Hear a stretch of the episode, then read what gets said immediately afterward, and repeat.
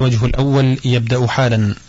هذا هو الشريط الخامس والثلاثون من كتاب زاد المعاد مسجل على شريط من فئة تسعين دقيقة. نواصل القراءة في موضوع غزوة الخندق.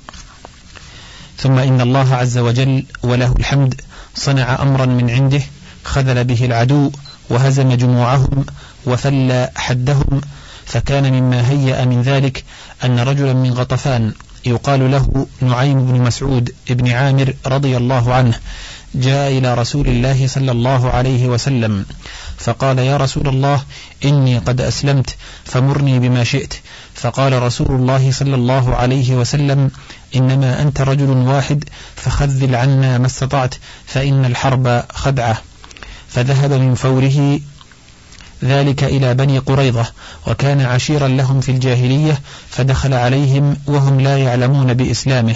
فقال يا بني قريظة إنكم قد حاربتم محمدا وإن قريشا إن أصابوا فرصة انتهزوها وإلا انشمروا إلى بلادهم راجعين وتركوكم ومحمدا فانتقم منكم. قالوا فما العمل يا نعيم؟ قال لا تقاتلوا معهم حتى يعطوكم رهائن.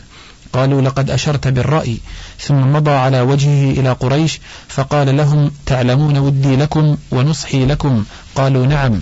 قال إن يهود قد ندموا على ما كان منهم من نقض عهد محمد وأصحابه وإنهم قد راسلوه أنهم يأخذون منكم رهائن يدفعونها إليه ثم يمالئونه عليكم فإن سألوكم رهائن فلا تعطوهم. ثم ذهب إلى غطفان فقال لهم مثل ذلك فلما كان ليلة السبت من شوال بعثوا إلى اليهود إنا لسنا بأرض مقام وقد هلك الكراع والخف فانهضوا بنا حتى نناجز محمدا. فأرسل إليهم اليهود إن اليوم يوم السبت وقد علمتم ما أصاب من قبلنا حين أحدثوا فيه ومع هذا فإنا لا نقاتل معكم حتى تبعثوا إلينا رهائن. فلما جاءتهم رسلهم بذلك قالت قريش صدقكم والله نعيم.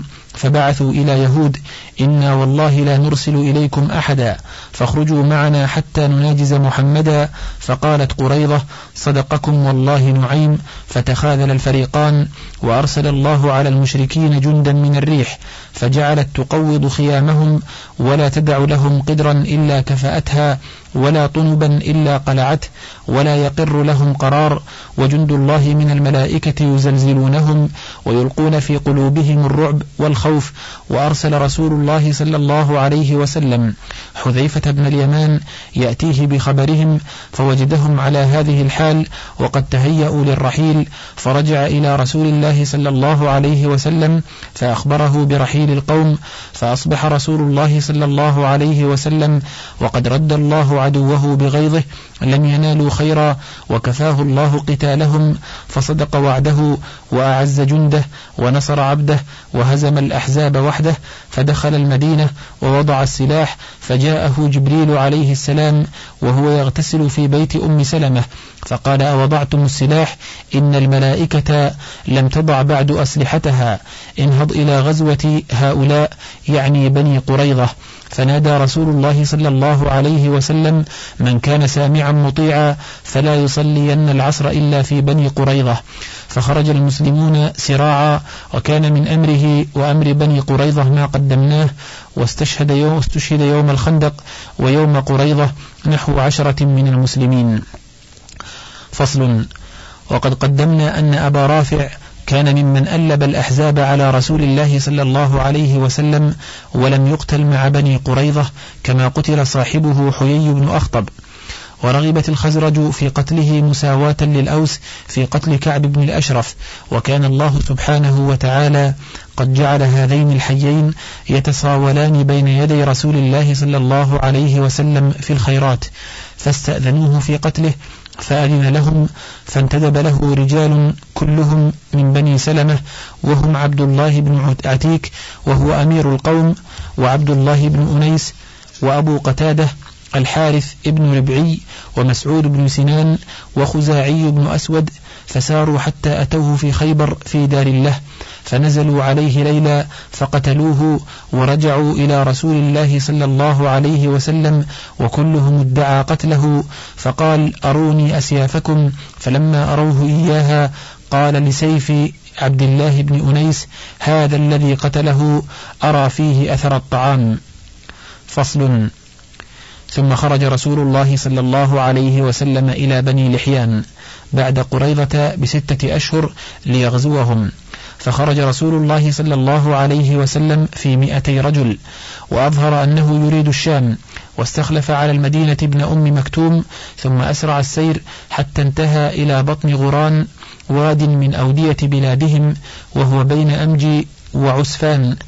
حيث كان مصاب أصحابه فترحم عليهم ودعا لهم وسمعت بنو لحيان فهربوا في رؤوس الجبال فلم يقدر منهم على أحد فأقام يومين بأرضهم وبعث السرايا فلم يقدروا عليهم فسار إلى عسفان فبعث عشرة فوارس إلى كراعب الغميم لتسمع به قريش ثم رجع إلى المدينة وكانت غيبته عنها أربع عشرة ليلة. فصل في سرية نجد. ثم بعث رسول الله صلى الله عليه وسلم خيلا قبل نجد فجاءت بثمامة بن أثال الحنيفي سيد بني حنيفة فربطه رسول الله صلى الله عليه وسلم إلى سارية من سوار المسجد ومر به فقال ما عندك يا ثمامة؟ فقال يا محمد إن تقتل تقتل ذا دم وإن تنعم تنعم على شاكر وإن كنت تريد المال فسل تعط منه ما شئت. فتركه ثم مر به مرة أخرى فقال له مثل ذلك فرد عليه كما رد عليه أولا. ثم مر مرة ثالثة فقال أطلقوا ثمامة. فأطلقوه فذهب إلى نخل قريب من المسجد فاغتسل ثم جاءه فأسلم وقال والله ما كان على وجه الأرض وجه أبغض إلي من وجهك. فقد أصبح وجهك أحب الوجوه إلي. والله ما كان على وجه الأرض دين أبغض علي من دينك. فقد أصبح دينك أحب الأديان إلي. وإن خيلك أخذتني وأنا أريد العمرة. فبشره رسول الله صلى الله عليه وسلم وأمره أن يعتمر.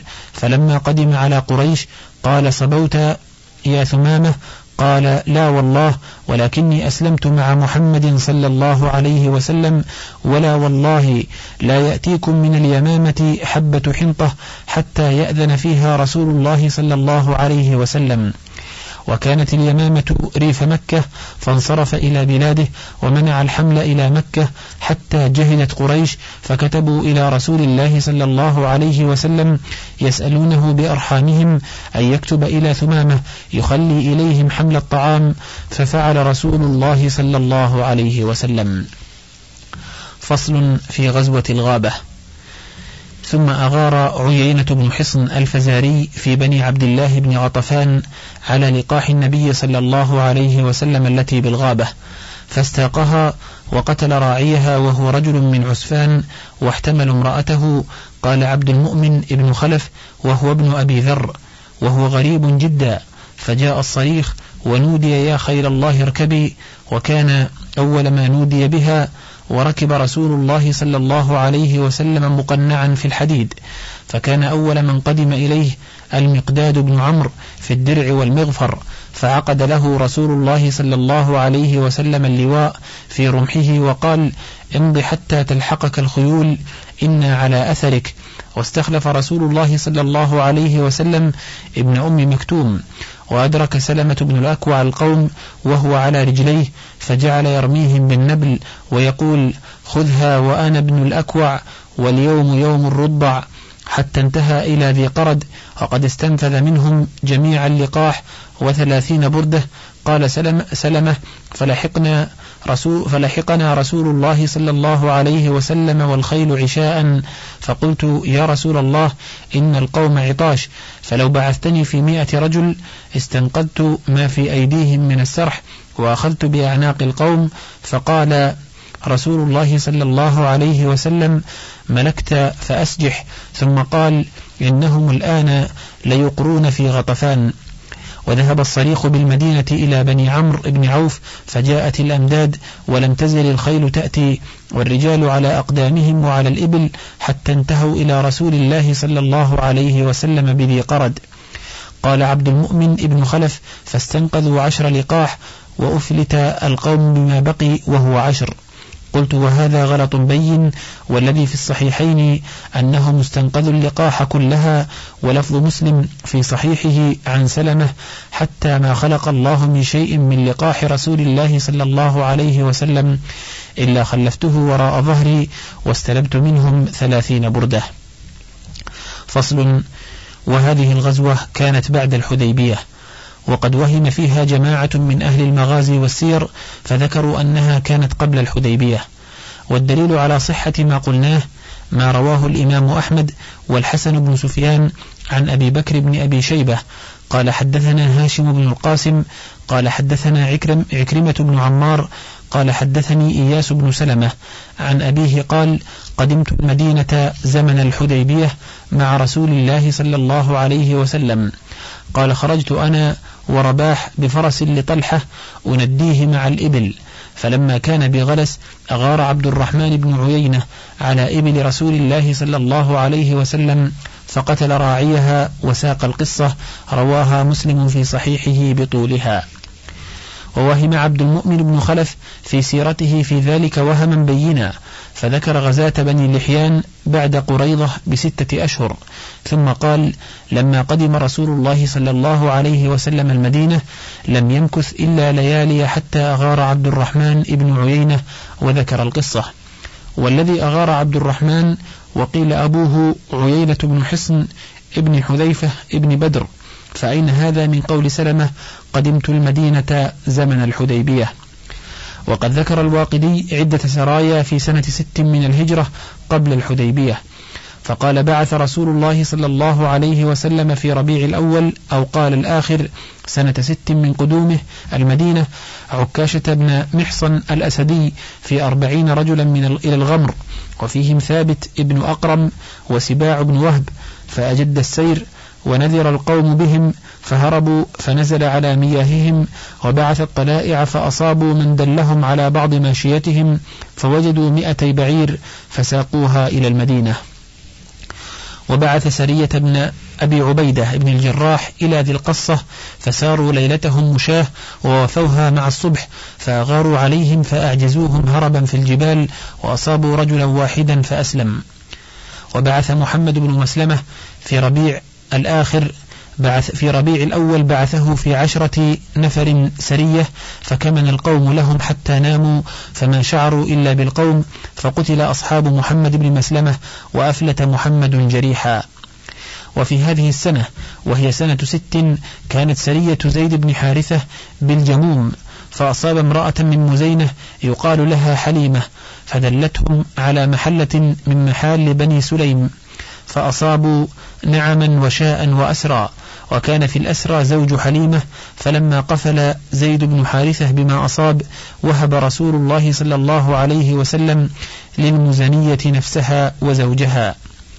وفيها يعني سنة ست كانت سرية زيد بن حارثة إلى الطرف في جماد الأولى إلى بني ثعلبة في خمسة عشر رجلا فهربت الأعراب وخافوا أن يكون رسول الله صلى الله عليه وسلم سار إليهم. فأصاب من نعمهم عشرين بعيرا وغاب أربع ليال.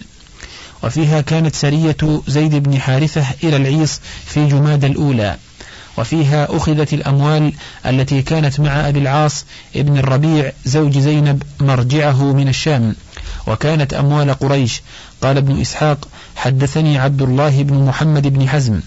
قال خرج أبو العاص بن الربيع تاجرا إلى الشام وكان رجلا مأمونا وكانت معه بضائع لقريش فأقبل قافلا فلقيته سرية لرسول الله صلى الله عليه وسلم فاستاقوا عيره وأفلت وقدموا على رسول الله صلى الله عليه وسلم بما أصابوا فقسمه بينهم وأتى أبو العاص المدينة فدخل على زينب بنت رسول الله صلى الله عليه وسلم فاستجار بها وسألها أن تطلب له من رسول الله صلى الله عليه وسلم رد ماله عليه وما كان معه من أموال الناس. فدعا رسول الله صلى الله عليه وسلم السرية فقال إن هذا الرجل منا حيث قد علمتم وقد أصبتم له مالا ولغيره وهو فيء الله الذي أفاء عليكم فإن رأيتم أن تردوا عليه فافعلوا وإن كرهتم فأنتم وحقكم فقالوا بل نرده عليه يا رسول الله فردوا عليه ما أصابوا حتى إن الرجل ليأتي بالشن والرجل بالإداوة والرجل بالحبل. فما تركوا قليلا أصابوه ولا كثيرا إلا ردوه عليه. ثم خرج حتى قدم مكة فأدى إلى الناس بضائعهم حتى إذا فرغ قال يا معشر قريش هل بقي لأحد منكم معي مال لم أرده عليه؟ قالوا لا فجزاك الله خيرا قد وجدناك وفيا كريما. فقال أما والله ما منعني أن أسلم قبل أن أقدم عليكم إلا تخوفا أن تظنوا أني إنما أسلمت لأذهب بأموالكم فإني أشهد أن لا إله إلا الله وأن محمدا عبده ورسوله. وهذا القول من الواقدي وابن إسحاق يدل على أن قصة أبي العاص كانت قبل الحديبية وإلا فبعد الهدنة لم تتعرض سرايا رسول الله صلى الله عليه وسلم لقريش. ولكن زعم موسى بن عقبة أن قصة أبي العاص كانت بعد الهدنة وأن الذي أخذ الأموال أبو بصير وأصحابه ولم يكن ذلك بأمر رسول الله صلى الله عليه وسلم لأنهم كانوا منحازين بسيف البحر وكانت لا تمر بهم عير لقريش إلا أخذوها. هذا هو قول الأزهري. قال موسى بن عقبة عن ابن شهاب في قصة أبي بصير ولم يزل أبو جندل وأبو بصير وأصحابهما الذين اجتمعوا إليهما هنالك حتى مر بهم أبو العاص ابن الربيع. وكانت تحته زينب بنت رسول الله صلى الله عليه وسلم في نفر من قريش فأخذوهم وما معهم وأسروهم ولم يقتلوا منهم أحدا لصهر رسول الله صلى الله عليه وسلم من أبي العاص. وأبو العاص يومئذ مشرك وهو ابن أخت خديجة بنت خويلد لأبيها وأمها.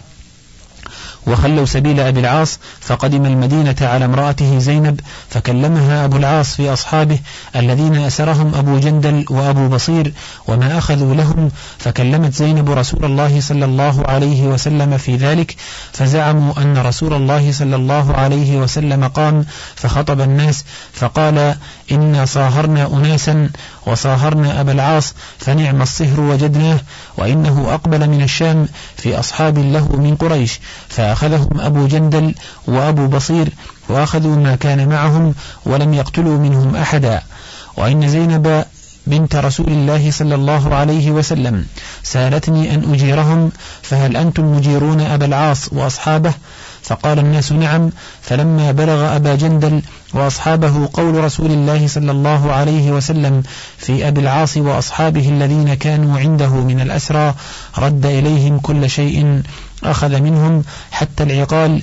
وكتب رسول الله صلى الله عليه وسلم إلى أبي جندل وأبي بصير يأمرهم أن يقدموا عليه ويأمر من معهما من المسلمين أن يرجعوا إلى بلادهم وأهليهم وأن لا يتعرضوا لأحد من قريش وعيرها.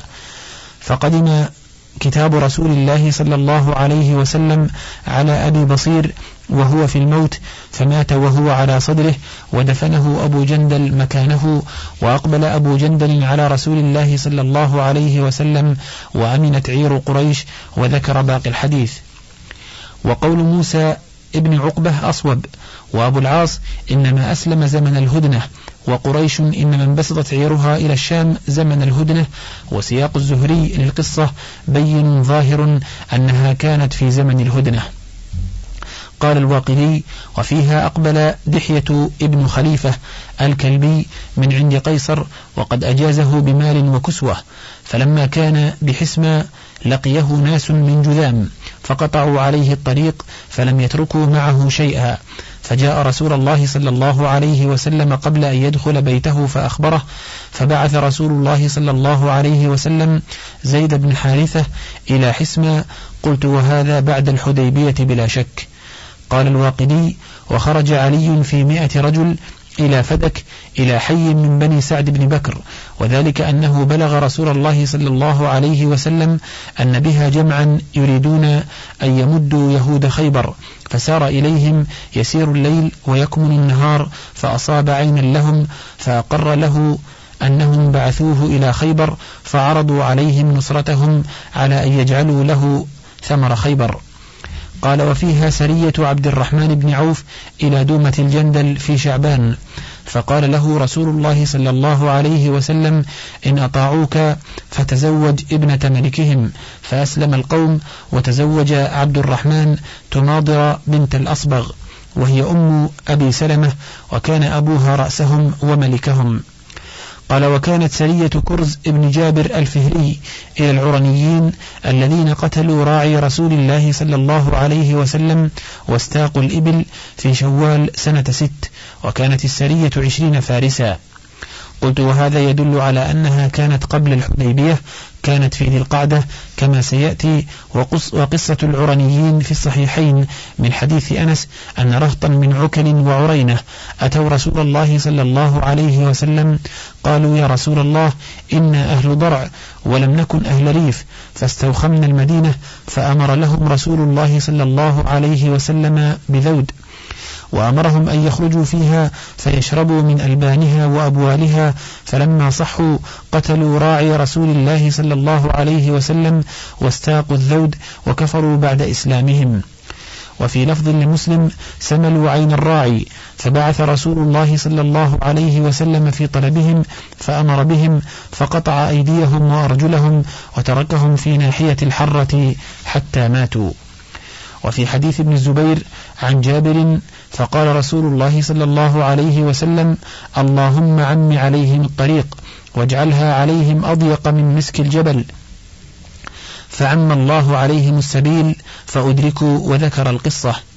وفيها من الفقه جواز شرب أبوال الإبل وطهارة بول مأكول اللحم والجمع للمحارب إذا أخذ المال وقتل بين قطع يده ورجله وقتله وأنه يفعل بالجاني كما فعل فإنهم لما سملوا عين الراعي سمل أعينهم وقد ظهر بهذا أن القصة محكمة ليست منسوخة وإن كانت قبل أن تنزل الحدود والحدود نزلت بتقريرها لا بإبطالها والله أعلم فصل في قصة الحديبية.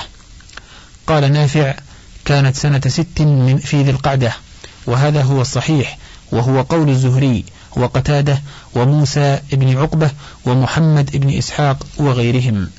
وقال هشام بن عروة عن أبيه خرج رسول الله صلى الله عليه وسلم إلى الحديبية في رمضان وكانت في شوال وهذا وهم وإنما كانت غزاة الفتح في رمضان وقد قال أبو الأسود عن عروة إنها كانت في ذي القعدة على الصواب وفي الصحيحين عن أنس أن النبي صلى الله عليه وسلم اعتمر أربع عمر كلهن في ذي القعدة فذكر منها عمرة الحديبية.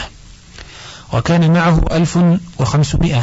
هكذا في الصحيحين عن جابر وعنه فيهما كانوا ألفا وأربعمائة. وفيهما عن عبد الله بن أوفى كنا ألفا وثلاثمائة. قال قتادة قلت لسعيد بن المسيب كم كان الذين شهدوا بيعة الرضوان؟ قال خمس عشرة مئة. قال قلت فإن جابر بن عبد الله قال كانوا أربع عشرة مئة. قال يرحمه الله أوهم هو حدثني أنهم كانوا خمس عشرة مئة. قلت وقد صح عن جابر القولان وصح عنه أنهم نحروا عام الحديبية سبعين بدنة البدنة عن سبعة فقيل له كم كنتم؟ قال ألفا وأربعمائة. بخيلنا ورجلنا يعني فارسهم وراجلهم والقلب إلى هذا أميل وهو قول البراء بن عازب ومعقل بن يسار وسلمة بن الأكوع في أصح الروايتين. وقول المسيب ابن حزن قال شعبة عن قتادة عن سعيد بن المسيب عن أبيه كنا مع رسول الله صلى الله عليه وسلم تحت الشجرة ألفا وأربعمائة وغلط غلطا بينا من قال كانوا سبعمائة وعذره أنهم نحروا يومئذ سبعين بدنة والبدنة قد جاء إجزاؤها عن سبعة وعن عشرة وهذا لا يدل على ما قاله هذا القائل فإنه قد صرح بأن البدنة كانت في هذه العمرة عن سبعة فلو كانت السبعون عن جميعهم لكانوا أربعمائة وتسعين رجلا. وقد قال في تمام الحديث بعينه إنهم كانوا ألفا وأربعمائة. فصل. فلما كانوا بذي الحليفة قلد رسول الله صلى الله عليه وسلم الهدي وأشعره وأحرم بالعمرة وبعث بين يديه عينا له من خزاعة يخبره عن قريش. حتى إذا كان قريبا من عسفان أتاه عينه فقال إني تركت كعب بن لؤي قد جمعوا لك الأحابيش وجمعوا لك جموعا وهم مقاتلوك وصادوك عن البيت ومانعوك. واستشار النبي صلى الله عليه وسلم أصحابه وقال أترون أن نميل إلى ذرار هؤلاء الذين أعانوهم فنصيبهم فإن قعدوا قعدوا موتورين محروبين وإن يجيئوا تكن عنقا قطعها الله أم ترون أن أم البيت فمن صدنا عنه قاتلناه فقال أبو بكر الله ورسوله أعلم إنما جئنا معتمرين ولم نجئ لقتال أحد ولكن من حال بيننا وبين البيت قاتلناه فقال النبي صلى الله عليه وسلم فروحوا إذا فراحوا حتى إذا كانوا ببعض الطريق. قال النبي صلى الله عليه وسلم إن خالد بن الوليد بالغميم في خير لقريش طليعة فخذوا ذات اليمين. فوالله ما شار بهم خالد حتى إذا هم بقترة الجيش فانطلق يركض نذيرا لقريش. وسار النبي صلى الله عليه وسلم حتى إذا كان بالثنية التي يهبط عليهم منها بركت به راحلته. فقال الناس حل حل. فألحت فقالوا خلأت القصواء خلأت القصواء. فقال النبي صلى الله عليه وسلم ما خلأت القصواء ما ذاك لها بخلق ولكن حبسها حابس الفيل. ثم قال والذي نفسي بيده لا يسألوني خطة يعظمون فيها حرمات الله إلا أعطيتهم إياها ثم زجرها فوثبت به. فعدل حتى نزل بأقصى الحديبية على ثمد قليل الماء. إنما يتربضه الناس تربضا. فلم يلبثه الناس إن, أن نزحوه فشكوا إلى رسول الله صلى الله عليه وسلم العطش فانتزع سهما من كنانته ثم أمرهم أن يجعلوه فيه قال فوالله ما زال يجيش لهم بالري حتى صدروا عنه. وفزعت قريش لنزوله عليهم فأحب رسول الله صلى الله عليه وسلم أن يبعث إليهم رجلا من أصحابه فدعا عمر بن الخطاب ليبعثه إليهم. فقال يا رسول الله ليس لي بمكة أحد من بني كعب يغضب لي إن أوذيت. فأرسل عثمان بن عفان فإن عشيرته بها وإنه مبلغ ما أردت.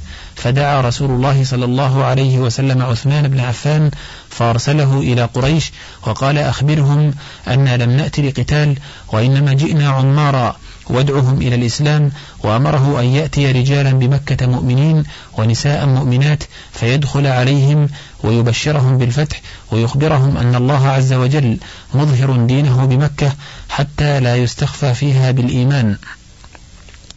فانطلق عثمان فمر على قريش ببلدح فقالوا أين تريد? فقال بعثني رسول الله صلى الله عليه وسلم.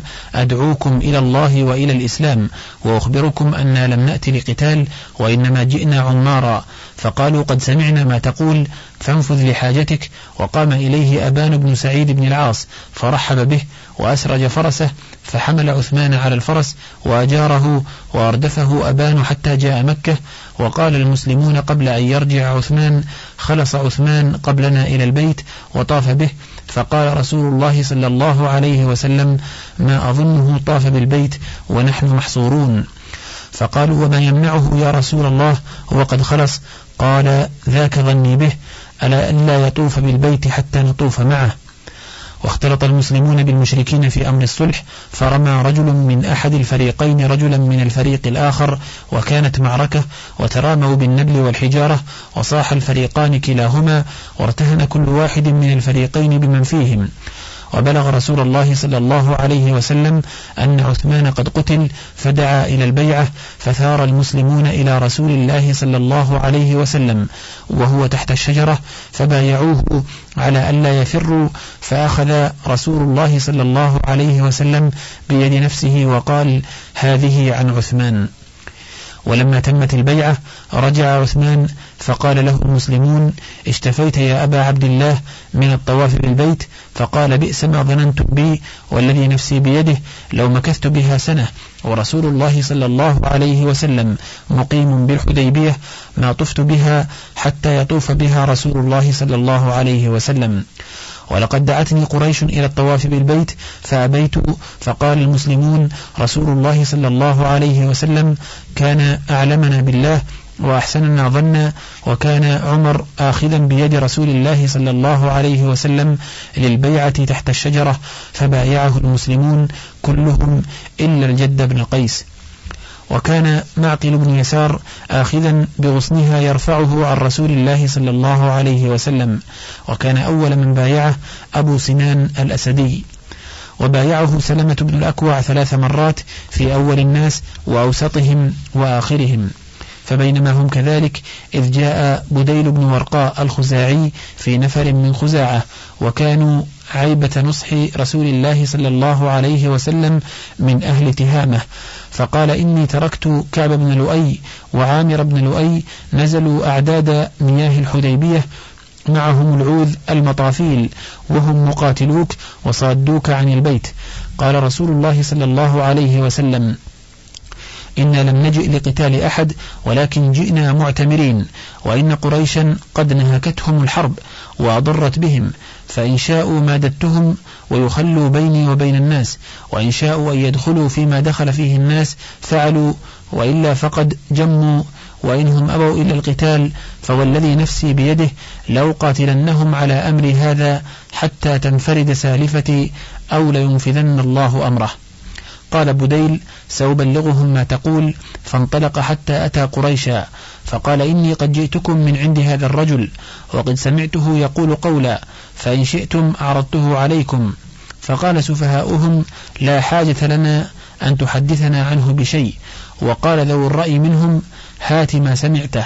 قال سمعته يقول كذا وكذا فحدثهم بما قال النبي صلى الله عليه وسلم. فقال عروة بن مسعود الثقفي إن هذا قد عرض عليكم خطة رشد فاقبلوها ودعوني آت دعوني آته. فقالوا ائته. فأتاه فجعل يكلمه فقال له النبي صلى الله عليه وسلم نحوا من قوله لبديل فقال له عروة عند ذلك أي محمد أرأيت لو استأصلت قومك هل سمعت بأحد من العرب اجتاح أهله قبلك وإن تكن الأخرى فوالله إني لأرى وجوها وأرى أوشابا من الناس خليقا أن يفروا ويدعوك. فقال له أبو بكر أمصص بذر اللات أنحن نفر عنه وندعه؟ قال من ذا؟ قالوا أبو بكر. قال أنا والذي نفسي بيده لولا يد كانت لك عندي لم أجزك بها لأجبتك وجعل يكلم النبي صلى الله عليه وسلم وكلما كلمه أخذ بلحيته والمغيرة بن شعبة عند رسول الله صلى الله عليه وسلم عند رأس النبي ومعه السيف وعليه المغفر. فكلما أهوى عروة إلى لحية النبي صلى الله عليه وسلم ضرب يده بنعل السيف وقال أخر يدك عن لحية رسول الله صلى الله عليه وسلم. فرفع عروة رأسه وقال من ذا؟ قالوا المغيرة بن شعبة. فقال أي غدر أولست أسعى في غدرتك؟ وكأن المغيرة صحب قوما في الجاهلية فقتلهم وأخذ أموالهم ثم جاء فأسلم. فقال النبي صلى الله عليه وسلم أما الإسلام فأقبل وأما المال فلست منه في شيء. ثم إن عروة جعل يرمق أصحاب رسول الله صلى الله عليه وسلم بعينيه. فوالله ما تنخم النبي صلى الله عليه وسلم نخامة إلا وقعت في كف رجل منهم فدلك بها جلده ووجهه وإذا أمرهم ابتدروا أمره وإذا توضأ كادوا يقتتلون على وضوئه وإذا تكلم خفضوا أصواتهم عنده وما يحدون إليه النظر تعظيما له فرجع عروة إلى أصحابه فقال أي قوم والله لقد وفدت على الملوك على كسرى وقيصر والنجاشي. والله ما رأيت ملكا يعظمه أصحابه ما يعظم أصحاب محمد محمدا. والله إن تنخم نخامة إلا وقعت في كف رجل منهم فدلك بها وجهه وجلده. وإذا أمرهم ابتدروا أمره وإذا توضأ كادوا يقتتلون على وضوئه. وإذا تكلم خفضوا أصواتهم عنده ما يحدون إليه النظر تعظيما له. وقد عرض عليكم خطة رشد فاقبلوها. فقال رجل من بني كنانة دعوني آته. فقال ائته. فلما أشرف على النبي صلى الله عليه وسلم وأصحابه قال رسول الله صلى الله عليه وسلم هذا فلان وهو من قوم يعظمون البدن فبعثوها له. فبعثوها له واستقبله القوم يلبون. فلما رأى ذلك قال سبحان الله ما ينبغي لهؤلاء أن يصدوا عن البيت. فرجع إلى أصحابه فقال رأيت البدن قد قلدت وأشعرت وما أرى أن يصدوا عن البيت. فقام مكرز بن حفص فقال دعوني آته. فقال ائته. فلما أشرف عليهم قال النبي صلى الله عليه وسلم هذا مكرز ابن حفص وهو رجل فاجر فجعل يكلم النبي الرسول صلى الله عليه وسلم فبينما هو يكلمه إذ جاء سهيل بن عمرو فقال النبي صلى الله عليه وسلم قد سهل لكم من أمركم. فقال هاتي اكتب بيننا وبينكم كتابا. فدعا الكاتب فقال اكتب بسم الله الرحمن الرحيم. فقال سهيل أما الرحمن فوالله ما ندري ما هو ولكن اكتب باسمك اللهم كما كنت تكتب.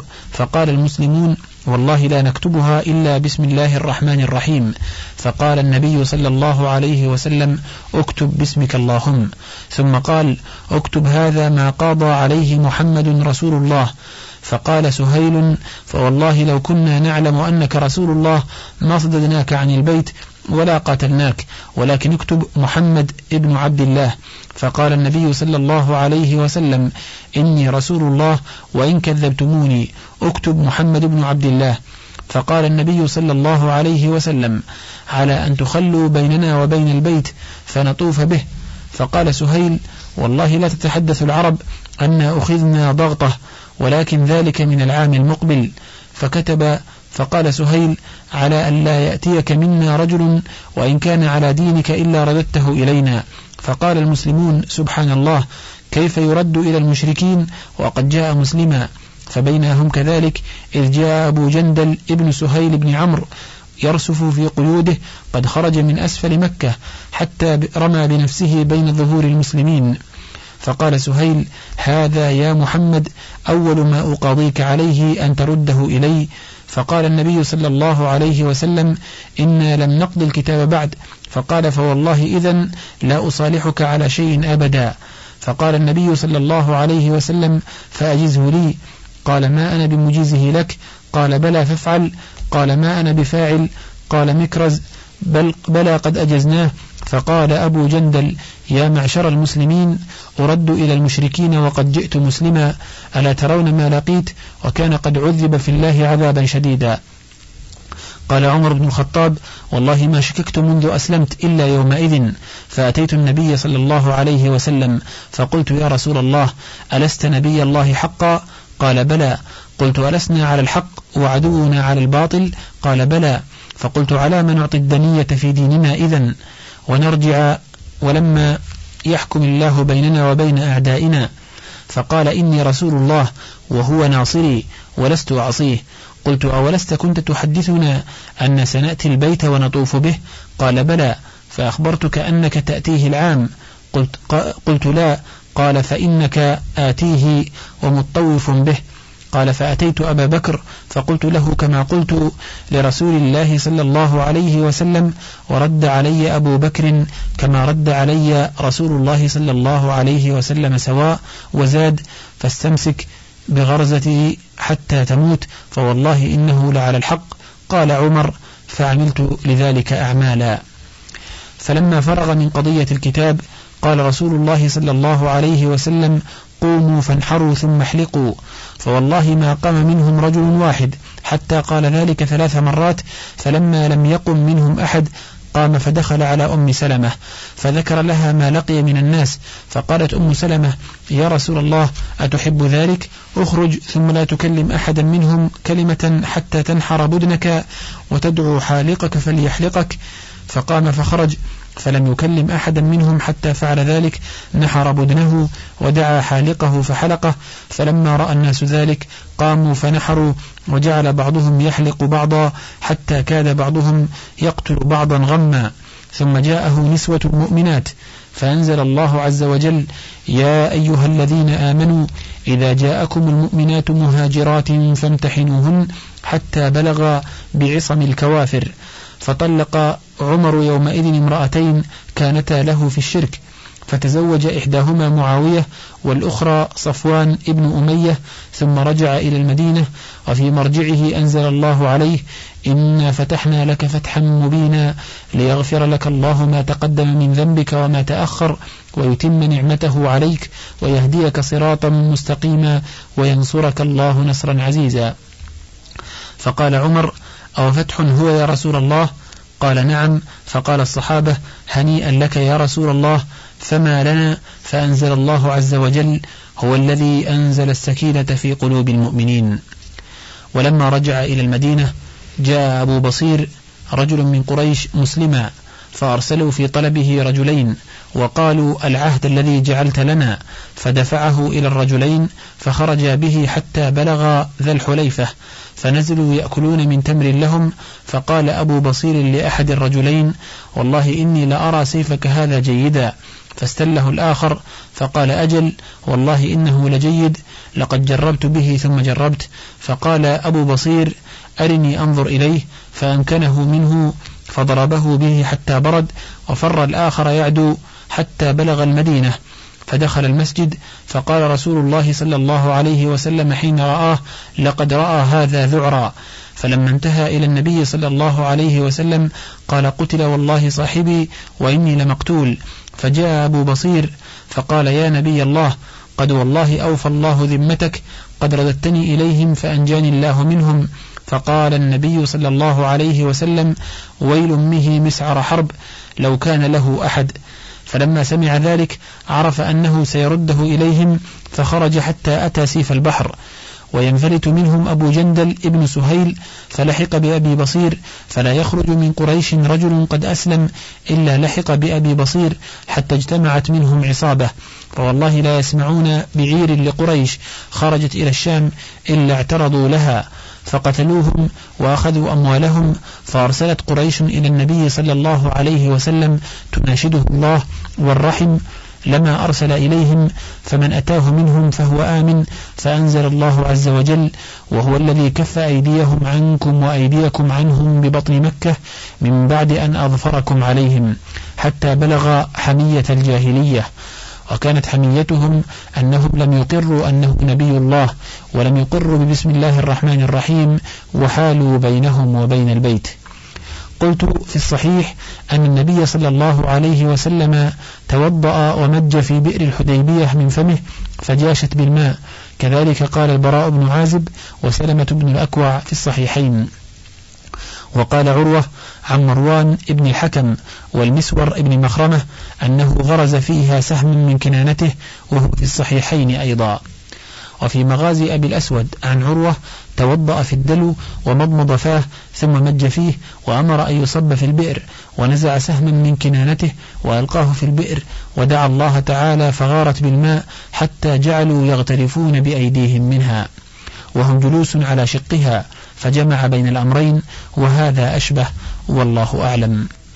وفي صحيح البخاري عن جابر قال عطش الناس يوم الحديبية ورسول الله صلى الله عليه وسلم بين يديه ركوة يتوضأ منها إذ جهش الناس نحوه فقال ما لكم؟ قالوا يا رسول الله ما عندنا ماء نشرب ولا ماء نتوضأ إلا ما بين يديك. فوضع يده في الركوة فجعل الماء يفور من بين أصابعه أمثال العيون فشربوا وتوضأوا وكانوا خمس عشرة مئة وهذه غير قصة البئر. وفي هذه الغزوة أصابهم ليلة مطر فلما صلى النبي صلى الله عليه وسلم الصبح قال أتدرون ماذا قال ربكم الليلة؟ قالوا الله ورسوله أعلم. قال أصبح من عبادي مؤمن بي وكافر. فأما من قال مطرنا بفضل الله ورحمته فذلك مؤمن بي كافر بالكوكب. وأما من قال مطرنا بنوء كذا وكذا فذلك كافر بي مؤمن بالكوكب. فصل. وجرى الصلح بين المسلمين وأهل مكة على وضع الحرب عشر سنين وأن يأمن الناس بعضهم من بعض وأن يرجع عنهم عامه ذلك حتى إذا كان العام المقبل قدمها وخلوا بينه وبين مكة فأقام بها ثلاثة وأن لا يدخلها إلا بسلاح الراكب والسيوف في القرب وأن من أتانا من أصحابك لم نرده عليك ومن أتاك من أصحابنا رددته علينا وأن بيننا وبينك عيبة مكفوفة وأنه لا إسلال ولا إغلال. فقالوا يا رسول الله نعطيهم هذا. فقال من أتاهم منا فأبعده الله ومن أتانا منهم فرجناه إليهم فجعل الله له فرجا ومخرجا. وفي قصة الحديبية أنزل الله عز وجل فدية الأذى لمن حلق رأسه بالصيام أو الصدقة أو النسك في شأن كعب بن عجرة. وفيها دعا رسول الله صلى الله عليه وسلم للمحلقين بالمغفرة ثلاثة وللمقصرين مرة. وفيها نحر البدنة عن سبعة والبقرة عن سبعة وفيها أهدى رسول الله صلى الله عليه وسلم في جملة هديه جملا كان لأبي جهل كان في أنفه برة من فضة ليغيظ به المشركين. وفيه أنزلت سورة الفتح ودخلت خزاعة في عقد رسول الله صلى الله عليه وسلم وعهده ودخلت بنو بكر في عقد قريش وعهدهم وكان في الشرط أن من شاء يدخل في عقده صلى الله عليه وسلم دخل ومن شاء يدخل في عقد قريش دخل. ولما رجع إلى المدينة جاءه نساء مؤمنات. منهن أم كلثوم بنت عقبة ابن أبي معيط فجاء أهلها يسألونها رسول الله صلى الله عليه وسلم بالشرط الذي كان بينهم.